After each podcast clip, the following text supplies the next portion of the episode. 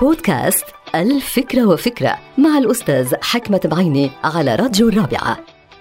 نحن البشر نستعد كل يوم لتغيير ما فينا. نستعد للتخلص من سيئاتنا والتمسك بالفضائل. لماذا؟ لنصبح نسخة أفضل عن ما نحن عليه وعن ما نمثله من قيم وأخلاق وسلوكيات، ولكن هذا الأمر صعب جدا واحيانا شبه مستحيل، لماذا؟ لماذا هذا الأمر صعب للبشر وسهل على الكمبيوتر على سبيل المثال.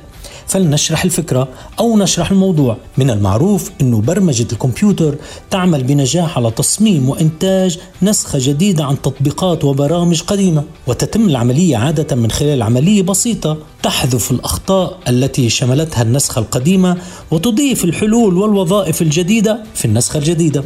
ومن يقوم بهذا العمل عادة هو مبرمج الكمبيوتر وليس الكمبيوتر نفسه. أي أن هناك طرف آخر يقوم بعملية التغيير والتطوير للتخلص من مواطن الخلل وإضافة الحلول. وهذا ما يفسر صعوبة التغيير الذاتي عند البشر حيث تتطلب الحاجة أحيانا إلى مدرب خاص أو مستشار خاص أو معلم خاص يعني بحاجة إلى طرف آخر. فهل هذا هو الحل؟ يمكن أن نقول إنه جزء من الحل. فلقد خضعت أنا بنفسي إلى دورات تدريبيه خاصة وشاركت بعدة محاضرات تطويرية أي تطوير الذات. وتبين لي إن هذا الأمر مهم ومهم للغاية. نعم يمكنك أن تطور نفسك من خلال الآخرين أي عبر الاستشارة عبر التعلم وعبر التدريب.